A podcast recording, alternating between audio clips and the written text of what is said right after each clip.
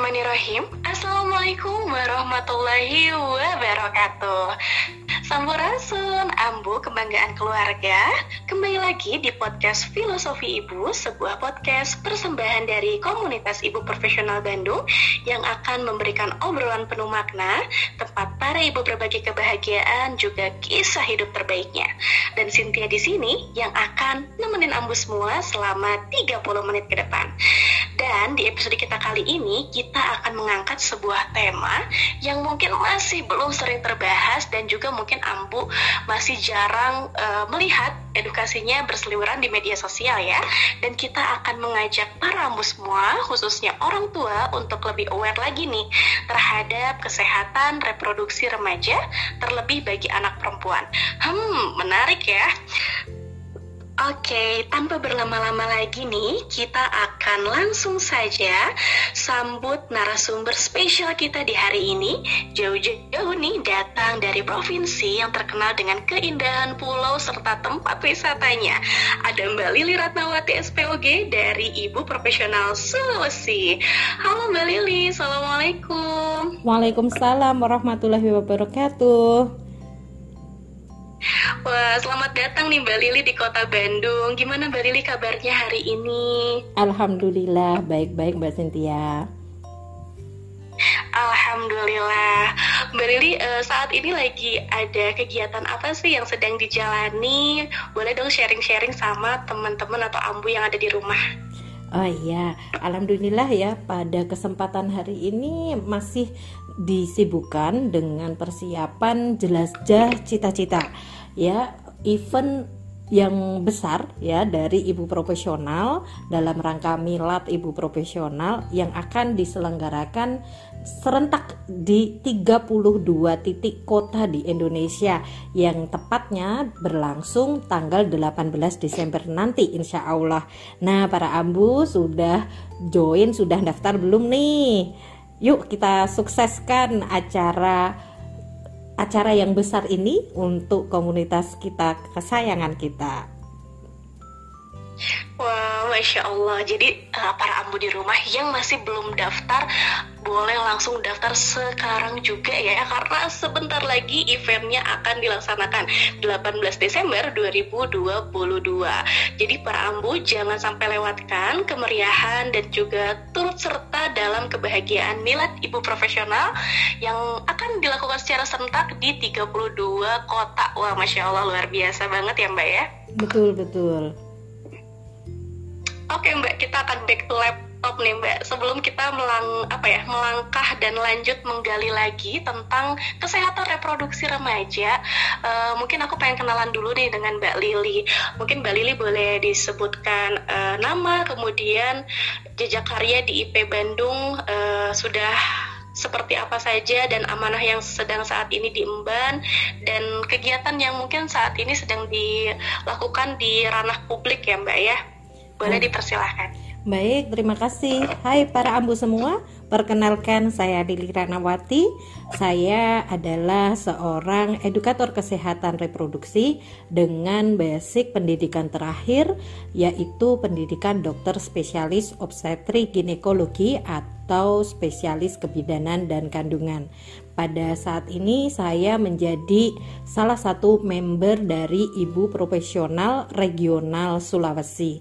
Saya masuk di Ibu Profesional melalui Foundation Batch 9 dan lulus dari Foundation Batch 9 di tahun 2020. Saya mengambil komponen Hima dan telah menyelesaikan kelas Bunda Sayang batch 7 di tahun 2021 serta komponen komunitas lulus dari Kampung Main batch 3 di tahun 2021.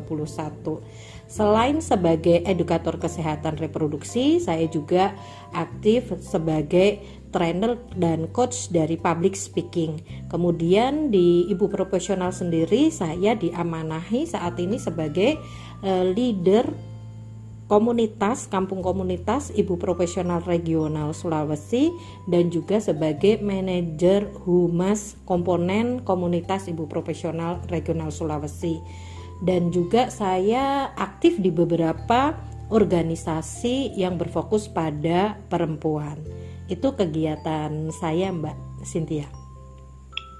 Wow, masya Allah luar biasa ya Mbak. Jadi uh, jejak karya Mbak Lili di komunitas juga sudah melanglang buana sekali dan juga turut aktif di kegiatan-kegiatan sosial, melakukan trainer di uh, langsung terjun ke masyarakat gitu ya, melakukan penyuluhan di bidang kesehatan. Betul. Wah, sangat menarik sekali Mbak. Jadi aku pengen langsung gercep aja nih pengen uh, menimba Bu, pengen menyiapkan gelas kosong untuk bisa uh, sharing sama Mbak Lili terkait tentang kesehatan reproduksi khususnya pada remaja ya Mbak ya. Oke, kita akan langsung saja masuk ke pertanyaan pertama nih, pertanyaan yang mendasar ya Mbak, karena kita kan sebagai perempuan itu diberikan uh, keistimewaan untuk merasakan yang namanya uh, menstruasi ya Mbak ya. Iya, nah betul, sebetulnya betul. dari menstruasi itu uh, definisinya tuh uh, apa sih Mbak gitu Mbak? Baik, ini uh, menstruasi itu definisi secara panjang kita langsung merujuk kepada konsensus perhimpunan di Hiveri tahun 2013 menstruasi merupakan proses fisiologis.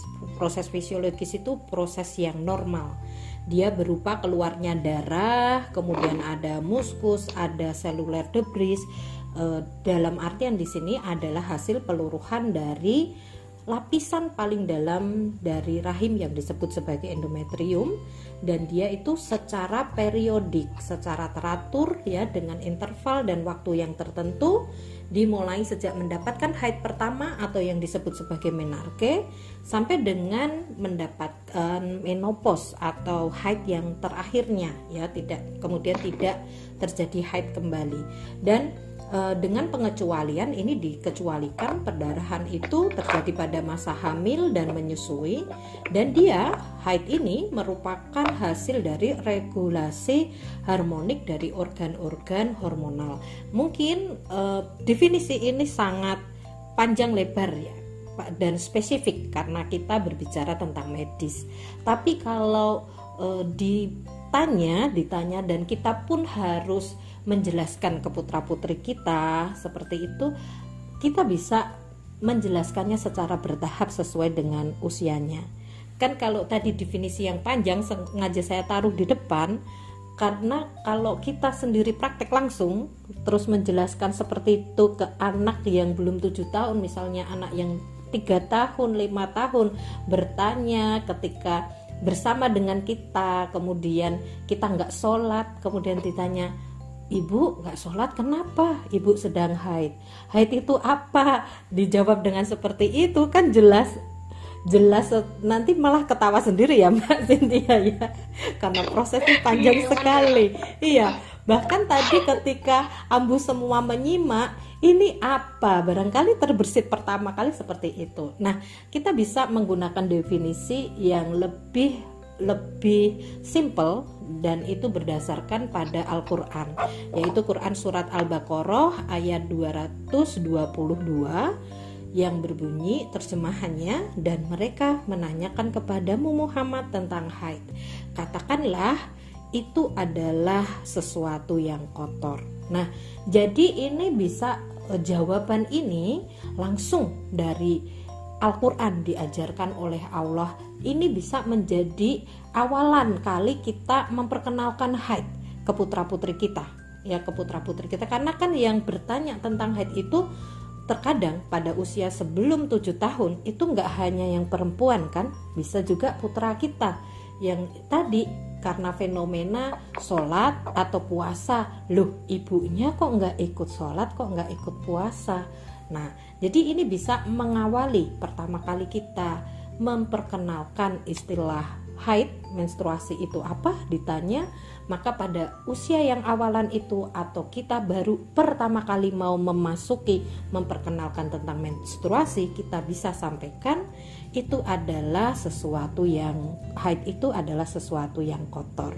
Nah yang kotor berarti dia termasuk pada yang menyebabkan tidak bisa sholat dan puasa. Dan ketika sudah selesai kita harus um, melakukan toharoh ya mandi besar kemudian baru bisa melaksanakan uh, ibadah kita. Nah itu bisa mengawali. Jadi mengawali kemudian kita me, mengajarkan terlebih dahulu tentang bersuci kepada anak-anak. Nah, selanjutnya tahap lanjutan ketika dia sudah membutuhkan penjelasan yang lebih kompleks khususnya ke putri-putri kita mempersiapkan baliknya dan kita memiliki kesempatan yang terbuka untuk menjelaskan lebih detail tentang haid kita bisa menambahkan uh, ketika pertanyaan apa itu menstruasi kita bisa sampaikan haid atau menstruasi adalah hal normal hal fitrah yang akan terjadi pada setiap wanita karena haid itu merupakan salah satu tanda balik pada seorang perempuan. Nah, jadi lebih jauh lagi kemudian ketika dia memang memasuki masa pubertas ya, pubertas dekat sekali dengan pubertasnya, kita bisa mengedukasi haid sebagai peluruhan lapisan paling dalam dari rahim yang disebut sebagai endometrium yang di sini menjadi konsekuensi eh, ketiadaan kehamilan setelah 14 hari dari sejak ovulasi atau bertelur. Nah, itu itu yang jawaban ketiga ini kita harus lihat kemampuan anak dulu mencerna dan bagaimana dia telah mengenal organ reproduksinya lebih dahulu dengan baik. Gitu Mbak Cynthia. Jadi ada tahapannya. Oke Mbak, ternyata memang uh, kita bisa uh, memberikan edukasi terkait uh, masa menstruasi kepada anak itu secara bertahap ya dari yeah. mulai usia 7 tahun kita sudah bisa mengenalkan bahkan uh, Allah pun sudah membekali kita dengan uh, ayat yang bisa kita pakai untuk memberikan komunikasi kepada anak secara sederhana bahwa uh, haid itu adalah satu hal yang kotor gitu dengan keterbatasan vocabulary anak gitu ya pada usia tujuh tahun mungkin sudah ya, bisa menangkap bahwa usia oh, kurang dari, itu ternyata usia yang kurang iya, dari, dari kurang kurang dari tujuh tahun. Ya oke okay, iya. tujuh ya. tahun ya mbak ya sudah bisa menangkap uh, hal itu, masya Allah. Jadi kita sebagai orang tua bisa mempersiapkan uh, komunikasinya sesuai dengan tahapan usianya ya Mbak ya. Betul. Oke, okay, ini kita akan uh, gali lagi lebih dalam Mbak. Ketika kita sudah punya bekal ya Mbak ya terkait tentang komunika bagaimana cara mengkomunikasikan uh, hal ini kepada anak. Kemudian ketika nanti sebelum masa menstruasi kan kita juga perlu mengedukasi hal-hal apa saja sih yang dibutuhkan untuk anak dalam menjelang masa pubertasnya dan kira-kira apa saja juga yang perlu kita bekalkan kepada anak kita dalam menyambut menstruasinya Mbak. Ya baik, jadi kalau ingin membekali anak khususnya untuk mempersiapkan supaya dia bisa menerima menstruasinya pertama kali atau yang kita sebut sebagai menarke. Menarke itu mendapatkan menstruasi pertama kali dengan baik, maka kita harus memberikan pembekalan berupa tanda-tanda dari pubertas, tanda-tanda ke arah balik dia ya. Jadi di dalam tubuh putri kita itu akan terjadi perubahan yang luar biasa yang menunjukkan uh, dia akan memasuki fase baliknya. Apakah itu? Yaitu yang pertama bisa pertumbuhan rambut. Pertumbuhan rambut di area khusus yaitu di ketiak dan di area kemaluan.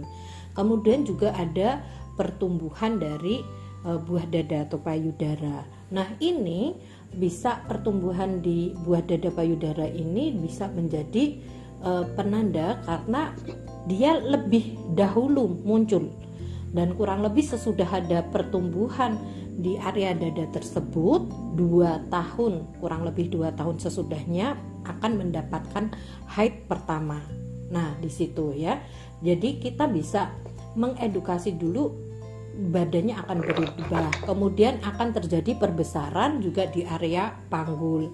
Kemudian juga akan terjadi perubahan di uh, kulitnya. Bisa mudah berjerawat, kemudian bisa terjadi kenaikan berat badan seperti itu juga ya karena hormon-hormon kulitnya menjadi lebih halus, kemudian dia juga akan mengalami perubahan perilaku. Nah, ini yang di, dibekalkan perubahan-perubahan yang akan terjadi dan bagaimana anak itu mengenali kemudian menerima uh, menerima beradaptasi dengan perubahan-perubahan tersebut.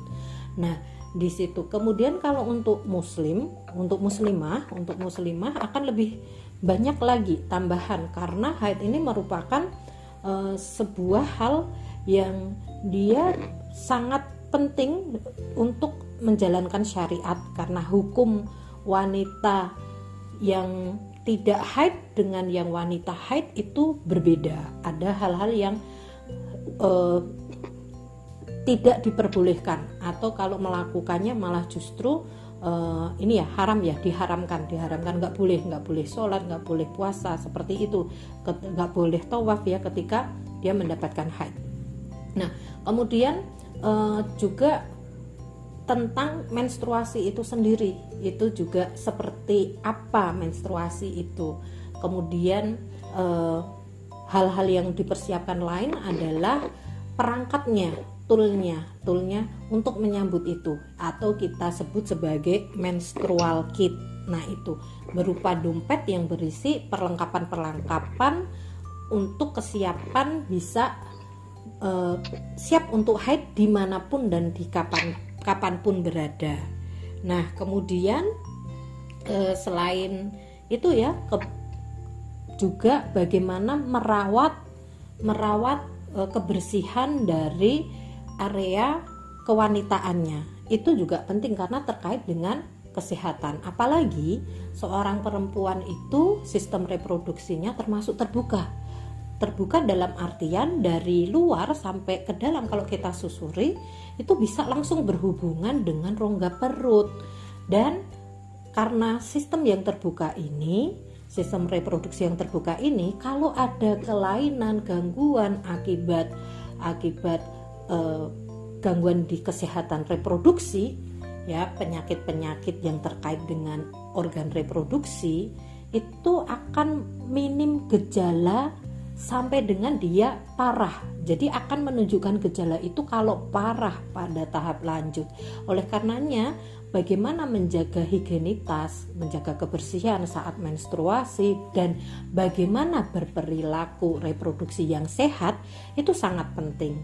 Apa itu perilaku reproduksi sehat? Adalah perilaku yang sesuai dengan agamanya, norma masyarakat, hukum di negaranya, dan juga sesuai dengan uh, yang bisa menjaga kesehatannya secara uh, fisik maupun batin yang bersangkutan. Dan dia juga bisa aktif melakukan produktivitas, ya, menghasilkan tanpa terganggu oleh uh, oleh reproduksinya tersebut. Jadi nggak ada gangguan karena haid kemudian e, menyebabkan dia harus e, berhenti dari dari sekolah e, berhenti dari kantor karena e, harus terpaksa absen gitu ya. Absen nggak berangkat. Jadi itu kan menyebabkan produktivitas yang terganggu.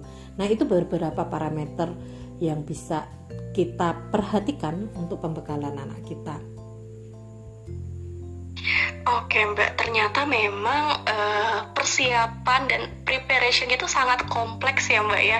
Dari mulai kita harus bisa lebih uh, peka terhadap tanda-tanda fisik yang terjadi pada anak kita, kemudian juga kita bisa memberikan edukasi terka terkait fikih perempuan dan juga menyiapkan mental dan kesiapan anak-anak kita yang saat itu saat nanti akan uh, menghadapi masa pubertasnya yaitu hmm. mengalami menstruasi hmm, dan betul. yang tadi menarik perhatian saya itu adalah ketika Mbak Lili menjelaskan tentang uh, persiapan menstrual kit. Nah, untuk menstrual kit ini sendiri kan uh, untuk saya sepertinya memang uh, kurang atau belum pernah mendengar ya untuk menstrual kit ini. Nah, sebetulnya menstrual kit ini tuh uh, sebetulnya apa sih, Mbak? Dan apa kegunaannya gitu? Ya, menstrual kit adalah uh, sebuah perangkat ya berupa dompet atau tas kecil dengan isi perlengkapan yang dibutuhkan saat uh, kita dapat haid ya. Di dalamnya memuat yang pertama jelas menstrual bagnya sendiri ya, dompetnya atau tasnya itu.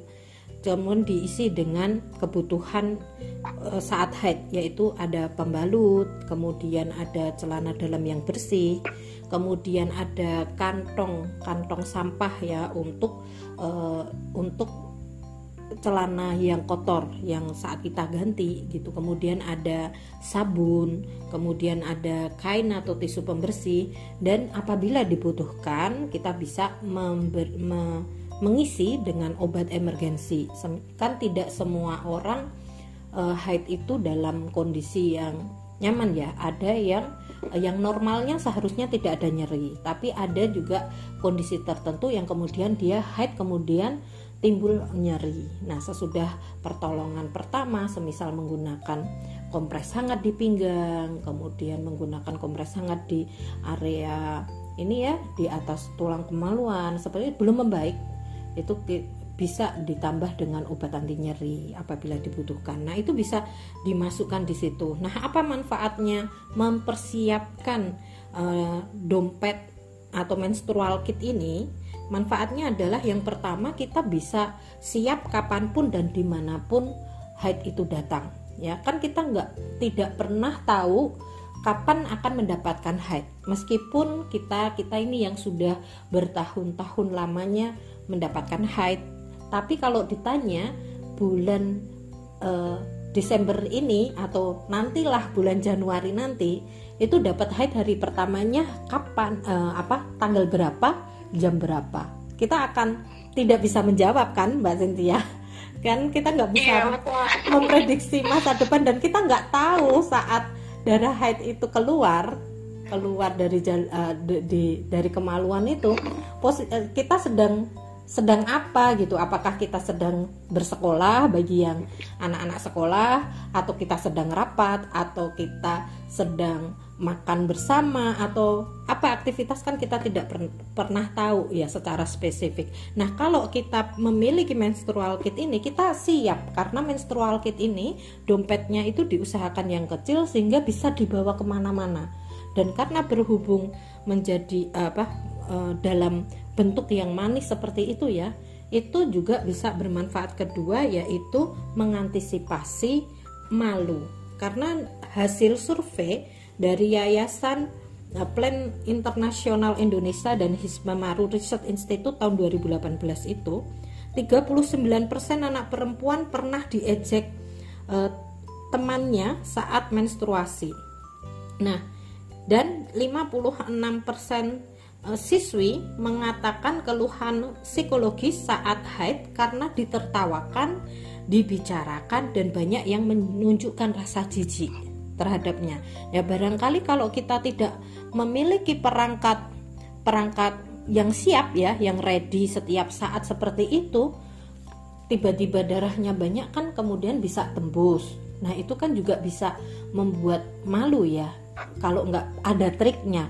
Nah kita pun bisa bekali anak kita untuk mengatasi kondisi-kondisi malu itu seperti apa. Nah salah satunya ini preparasinya kita sudah punya dulu jadi ketika berasa berasa karena darah haid ini darah yang khas ya darah yang khas eh, apa pas keluar juga dirasakan kemudian oh iya langsung minta izin ke toilet sebentar kita buka menstrual kit kita kita sudah bisa ready untuk siap eh, menyambut si haid itu datang. Kemudian yang manfaat ketiga adalah dia bisa menjadi momen memperkenalkan kurikulum persiapan balik ke kepada putri kita.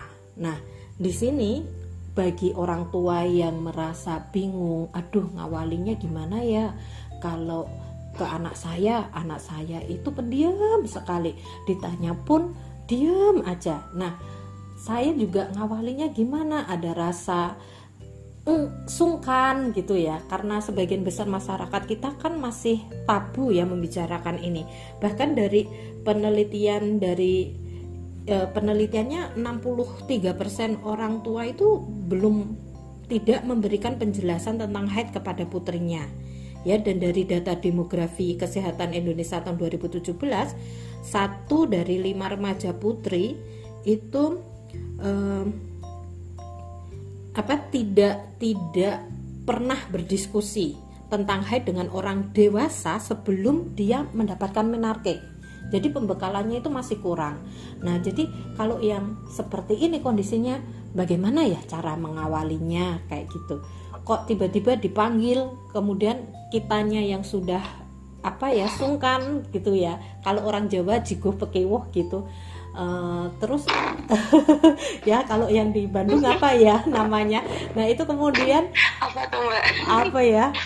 Ya itu sungkan gitu loh kayak malu gitu loh kayak malu ada rasa malu ketika ketika belum memang belum ada keterbukaan. Nah kita bisa uh, mempersiapkan menstrual kit ini kita ajak an anak kita putri kita untuk ayo kita uh, bantu mama yuk belanja sesuatu gitu. Terus apa ma ini belanja menstrual kit menstrual kit itu apa? Ayo ikut belanja mama dulu. Nah, di situ nanti belanja, belanja terus bikin dua dua paket ya, dua paket, yang satu untuk kita, yang satu dihadiahkan ke putri kita.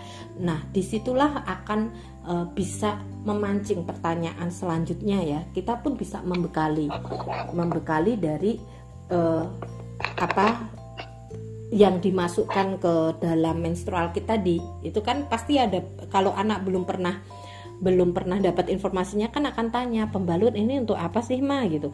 Nah nah untuk itu kita bisa arahkan ke momen selanjutnya yang lebih spesifik kan nggak mungkin kan nerangin panjang lebar tentang menstruasi di saat belanja di toko banyak orang kayak gitu. Nah itu nanti kita siapin dulu ya nanti bantu mama bikin ini menstrual kit sambil nanti kita diskusi di kamarnya misal di kamar di rumah atau di area privasi lainnya yang bisa berdua hanya bunda dan putrinya. Seperti itu bisa uh, dari hati ke hati uh, membicarakan berdiskusi tentang seputar haid ini. Dan kemudian yang keempat adalah manfaatnya dia bisa menjadi momen meningkatkan bonding antara ibu dan putrinya. Nah, itu tadi ya dengan berinteraksi uh, ngobrol bareng ya kemudian ini main barengnya itu main bareng belanja ya belanja membuat menstrual kit bikin project buat menstrual kit bersama ini kemudian kita juga bisa mengetahui preferensi putri kita itu seperti apa. Karena nanti putrinya ini begitu kita ajarin kemudian kita kasih kepercayaan penuh untuk memilih sendiri mempersiapkan sendiri. Kita ikuti preferensinya dan itulah uh, kita bisa menjadi sahabat ke putri kita. Begitu Mbak Cynthia. Oke Mbak Lili uh ini sangat menarik ya Mbak ya karena di dalam satu rangkaian momen itu selain kita mempersiapkan masa pubertas anak kita juga ada emosional yang terjalin antara ibu dan anak begitu ya Mbak. Jadi ya, betul, betul. kita juga bisa menambah momen kelekatan gitu ya kepada anak perempuan kita gitu dan itu bisa menjadi salah satu uh, momen berharga juga karena ada ada proses yang uh, dijalani gitu ya di antara ibu dan anak. Masya Allah keren banget mbak. Nah setelah uh, kita sudah mempersiapkan nih segala toolsnya ya di menstrual kit ini, mungkin ada hal-hal yang perlu diperhatikan. Salah satunya adalah higienitas, higienitas kita ketika uh, kita mengalami menstruasi. Dan mungkin mm, Mbak Lili mungkin ada tips bagaimana sih Mbak cara memilih uh, bahan atau pembalut yang aman dan juga uh, ketika kita tidak menemukan pembalut nih dalam uh, ke, apa ya ke, kegiatan atau misalkan momen yang urgent kita harus seperti apa?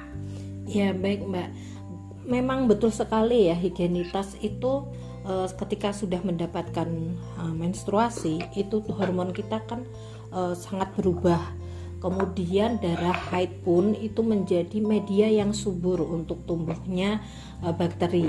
Nah, sehingga kita membutuhkan penjagaan higienitas yang baik agar tetap terjaga kesehatan secara fisik ya. Secara fisiknya. Nah, bagaimana yang diajarkan yaitu cara pertama cara cebok yang benar dulu. Nah, cara cebok yang benar yaitu dari atas ke bawah, kemudian nanti bisa dikeringkan dengan tisu atau lap dan ketika eh, tisu atau lap itu ataupun tangan kita saat membersihkan ya membersihkan itu mengenai dubur kita nggak boleh e, ke atas lagi. Jadi kalau tisu diusap dari atas ke bawah kemudian sudah kena di dubur dibuang. Karena dubur itu pa paling kotor banyak bakteri di situ ya. Nah e, itu yang yang pertama higienitasnya. Kemudian bagaimana kita memperlakukan bulu bulu uh, rambut rambut kemaluan. Nah itu kan fitrahnya adalah dipotong ya bukan dicukur habis. Karena kalau di di bawah folikel-folikel ya. Folikel itu tempat tumbuhnya rambut itu di akar-akar rambut itu di situ tuh tempatnya bakteri.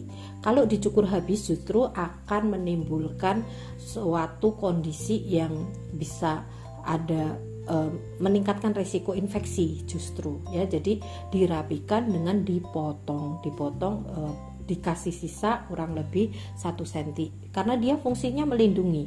Karena kemaluan kita itu nggak boleh kering. Kalau dicukur habis malah justru kering e, bisa keseimbangan floranya pun bisa rusak. Tapi kalau tidak di, dirapikan tidak dicukur uh, lebat akan cepat lembab. Dan lembab ini juga bisa uh, timbul potensi lebih besar untuk adanya infeksi infeksi baik itu bakteri maupun jamur ya. Yang paling sulit itu adalah yang jamur ya karena butuh terapi minimal 14 hari dan gampang kambuh-kambuhan itu dari higienitas tadi. Nah kemudian uh, sesudah itu juga bagaimana memberlakukan tadi darah haid ya ketika kita menggunakan pembalut yang sekali pakai. Nah itu di dilipat kemudian ditaruh di paper bag bisa ya karena mau ramah lingkungan kemudian dibuang di tempat yang e, sanitasi khusus. Kalau kita berada di tempat umum ya di tempat umum. Kan perlakuannya nggak langsung sembarang buang kan? Jadi harus ada penempatan khusus. Tapi ketika kita memilih tadi memilih pembalut pembalut itu seperti apa yang baik itu dikembalikan ke value keluarga masing-masing. Kalau eh, yang perlu diperhatikan bahan-bahan itu sealami mungkin. Ya sealami mungkin termasuk tadi ya kalau menggunakan sabun sabun itu hanya untuk kulit. Kulit ya kulit bagian luar. Nggak boleh masuk ke area kewanitaan itu akan merusak merusak keseimbangan ya. Jadi dia hanya diperkenan di kulit kulit bagian luar saja. Dan yang paling bagus air mengalir yang bersih itu untuk cebok. Air mengalir yang bersih. Nggak perlu kalau tidak ada sakit apa-apa kalau kondisinya normal tidak perlu menggunakan e, cairan khusus kewanitaan. Itu tidak diperlukan. Karena kalau orang yang normal normal menggunakan cairan pembersih khusus kewanitaan justru meningkatkan e, resiko terjadi infeksi sebab flora normalnya akan berubah. Nah, kemudian e, tadi pembalutnya itu juga macam-macam sekali ya pembalut itu. Ada yang bahan plastik, ada yang bahan gel, e, kemudian ada yang dikasih pewangi ya. Kemudian juga ada yang dikasih antiseptik yang baik yang mana. Nah itu tadi kembali ke value masing-masing. Intinya yang alami yang apa bahan itu belum tentu cocok dengan tubuh kita. Ada yang alergi terhadap plastik ada yang kemudian iritasi terhadap eh, bahan-bahan lain termasuk pewangi yang dikasih di uh, di pembalut itu. Itu itu dilihat dulu kesesuaian dengan tubuh kita. Dan kita kalau memiliki value go green ya ramah terhadap lingkungan kita bisa memilih bahan-bahan pembalut yang mudah didaur ulang di lingkungan. Kan macam-macam ya ada yang kapas ada yang bentuk kain dan ada yang uh, bukan sekali pakai tapi pembalut yang dari kain yang uh, bisa digunakan ulang. Jadi begitu sudah kotor dengan darah haid kita cuci bersih kemudian uh, cuci bersih ya dengan dibersihkan dengan sabun sampai darahnya juga bersih kemudian di uh, apa dijemur sampai kering. Nah seperti itu. Itu sudah cukup. Kalau antiseptik antibiotik atau obat-obatan yang dikasih uh, dalam pembalut yang itu dibilang untuk apa antibakteri seperti itu itu sebetulnya tidak terlalu dibutuhkan tidak dibutuhkan ya karena apa karena pembalut ini fungsinya menampung. Yang justru yang dibutuhkan adalah bagaimana kita menjaga kebersihannya. Jadi kita menggunakan pembalut itu 4 jam itu ganti.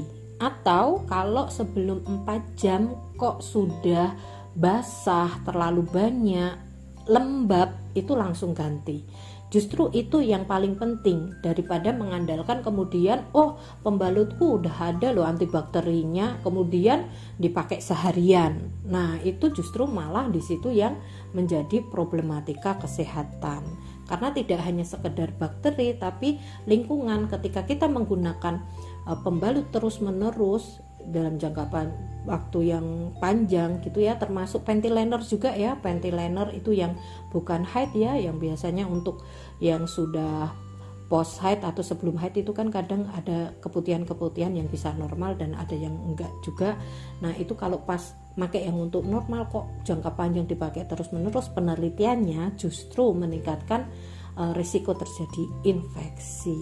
Nah ini beberapa hal yang perlu dibekalkan ke anak dan juga bagaimana sih cara mengaplikasikan pembalut itu di celana dalamnya kita harus praktekkan gitu ke anak untuk milih untuk milih pembalutnya itu kita juga berikan value kita. Apakah kita mau yang sekali pakai pembalut sekali pakai atau yang bisa guna ulang.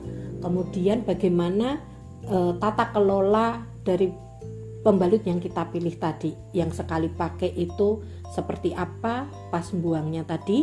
Nah yang yang bisa guna ulang ini begitu eh, kotor ini apa yang harus dilakukan? Bagaimana cara membersihkan dari darah haid? Itu yang harus dipraktekkan bersama anak. Nah kemudian gimana ya kalau kalau suatu saat kita ketemu kondisi yang aduh ternyata menstrual kitnya ada di tas sana gitu. Kemudian kita nggak bisa jangkau. Kemudian habis itu kita dapat haid cari cari mau cari uh, pembalut di toko-toko di warung terdekat kok nggak ada. Nah kita bisa mengguna membuat yang disebut pembalut emergensi. Dari apa? Dari kain yang bersih ya kita lipat-lipat menjadi segi empat ya potongan potongan kecil yang bisa di taruh di celana dalam. Itu bisa bisa menjadi pembalut yang darurat. Seperti itu mbak. Oke Mbak Aliri, uh, jadi memang treatment dari menjaga higienitas di area kewanitaan ketika kita menstruasi itu cukup uh, panjang ya Mbak ya. Dan juga ini memang harus sangat diperhatikan gitu ya dari mulai kita uh, membersihkan area kewanitaan, kemudian cara kita uh, memilih pembalut, kemudian membersihkan pembalut dari darah haid, ini kan uh, rangkaian prosesnya cukup panjang nih. Ketika kita uh, mungkin bukan gagal ya, tapi mm-hmm. ketika edukasinya kurang nih kepada anak kita sehingga anak kita atau mungkin diri kita sendiri uh, gagal dalam uh, menjaga kehigienitasan tersebut. Apakah ada penyakit yang potensial terjadi ketika kita mengabaikan higienitas dalam uh, masa menstruasi kita, Mbak? Iya, ada ada yang tadi ya yang sering berkaitan dengan perubahan hormon dan menstruasi itu contohnya saya sampaikan dalam bahasa medis itu bakterial vaginosis apa itu keputihan yang dia itu eh, deket-deket sebelum eh, dapat haid dan di situ tuh bau bau ya baunya itu bau kayak ikan asin seperti itu ya nah itu nanti kalau seperti itu butuh terapi. Nah, e, jadi harus periksa ya, periksa kemudian biar mendapatkan e, terapi yang sesuai. Kemudian juga tadi begitu kelembabannya itu tidak terjaga dengan baik, bisa terjadi infeksi jamur. Nah, ini yang paling ini ya paling sering dan juga e, butuh lebih banyak kesabaran saat terapi itu ya karena memang butuh harus tuntas dan itu dibutuhkan waktu yang lebih lama dibandingkan penyakit yang lain. Kemudian juga uh, higienitas lainnya itu juga bisa infeksi yang lain ya infeksi-infeksi dari bakteri yang lain itu juga bisa. Termasuk kalau misalnya penggunaan dari tadi ya yang penggunaan bahan-bahan yang merubah flora normal di dalam uh, apa organ kewanitaan itu pun bisa uh, terjadi infeksi bakteria bakteri ya infeksi bakteri. Dan yang paling isu yang paling uh, paling diutamakan dan juga sudah banyak edukasinya adalah termasuk perilaku seksual yang sehat tadi ya yang harus sesuai dengan norma agama dan juga hukum di negara kita.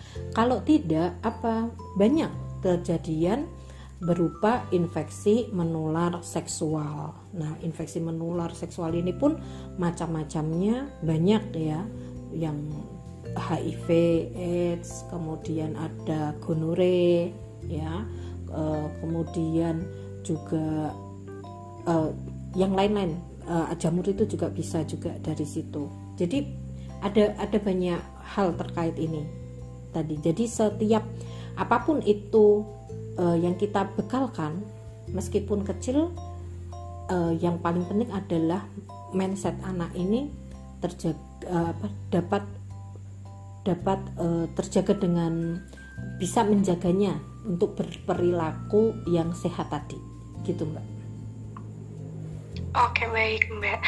Uh, ini sangat luar biasa sekali ya mbak. Di dalam apa ya namanya uh, pembahasan menstruasi saja ternyata ketika kita gali lebih dalam lagi peran seorang ibu khususnya kepada anak perempuannya itu ternyata uh, cukup panjang perjalanannya mbak. Dan di momen bulan ini sebagai bulan Desember kita sebagai seorang ibu yang tentunya menjadi seorang uh, pilar peradaban dan juga menjadi penggerak uh, anak-anak kita di generasi selanjutnya untuk menjadi generasi yang lebih baik.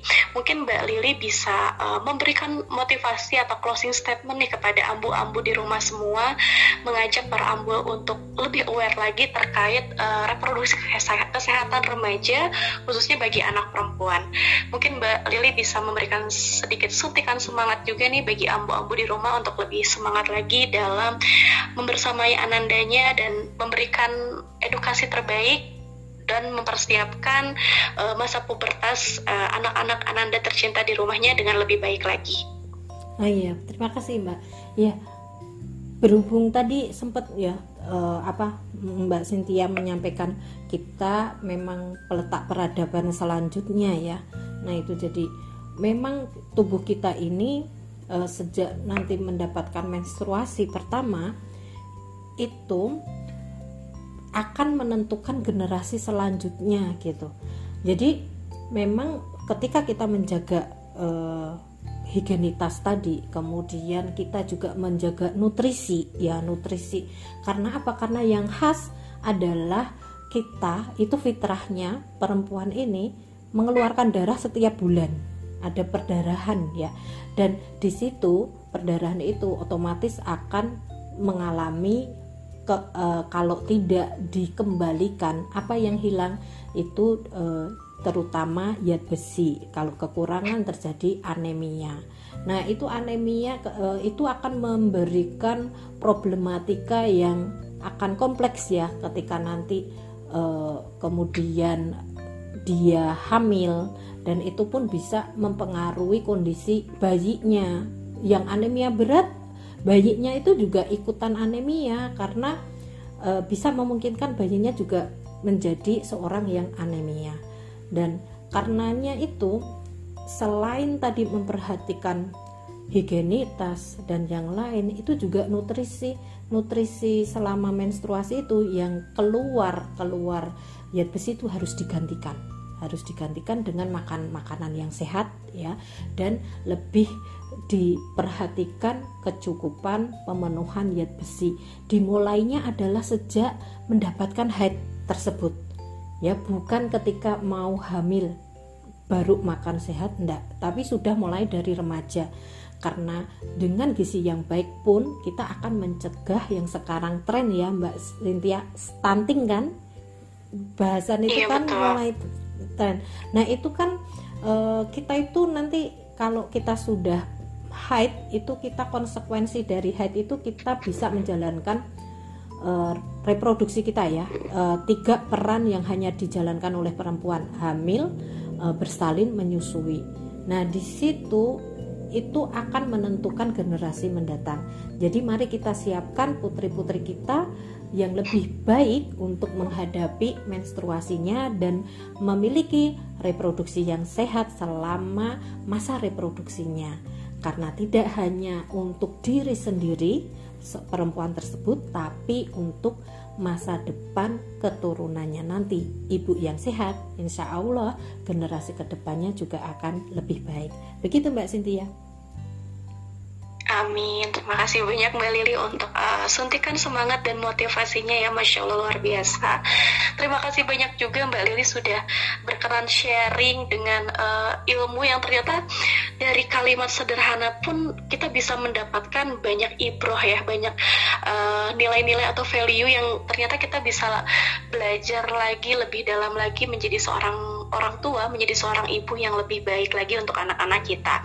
Terima kasih banyak Mbak Lili atas kesempatannya dan terima kasih sudah hadir di podcast Filosofi Ibu Spesial episode di hari ini.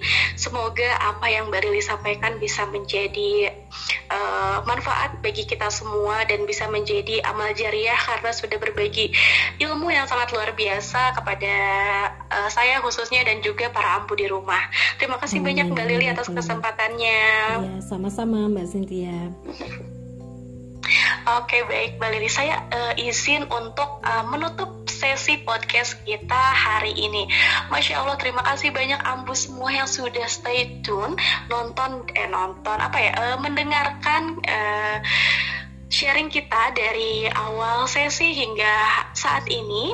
Semoga uh, sharing kita bisa bermanfaat dan juga menjadi uh, banyak insight untuk ambu semua untuk bisa lebih prepare lagi nih dan lebih aware lagi terhadap kesehatan reproduksi remaja khususnya bagi Ananda di rumah.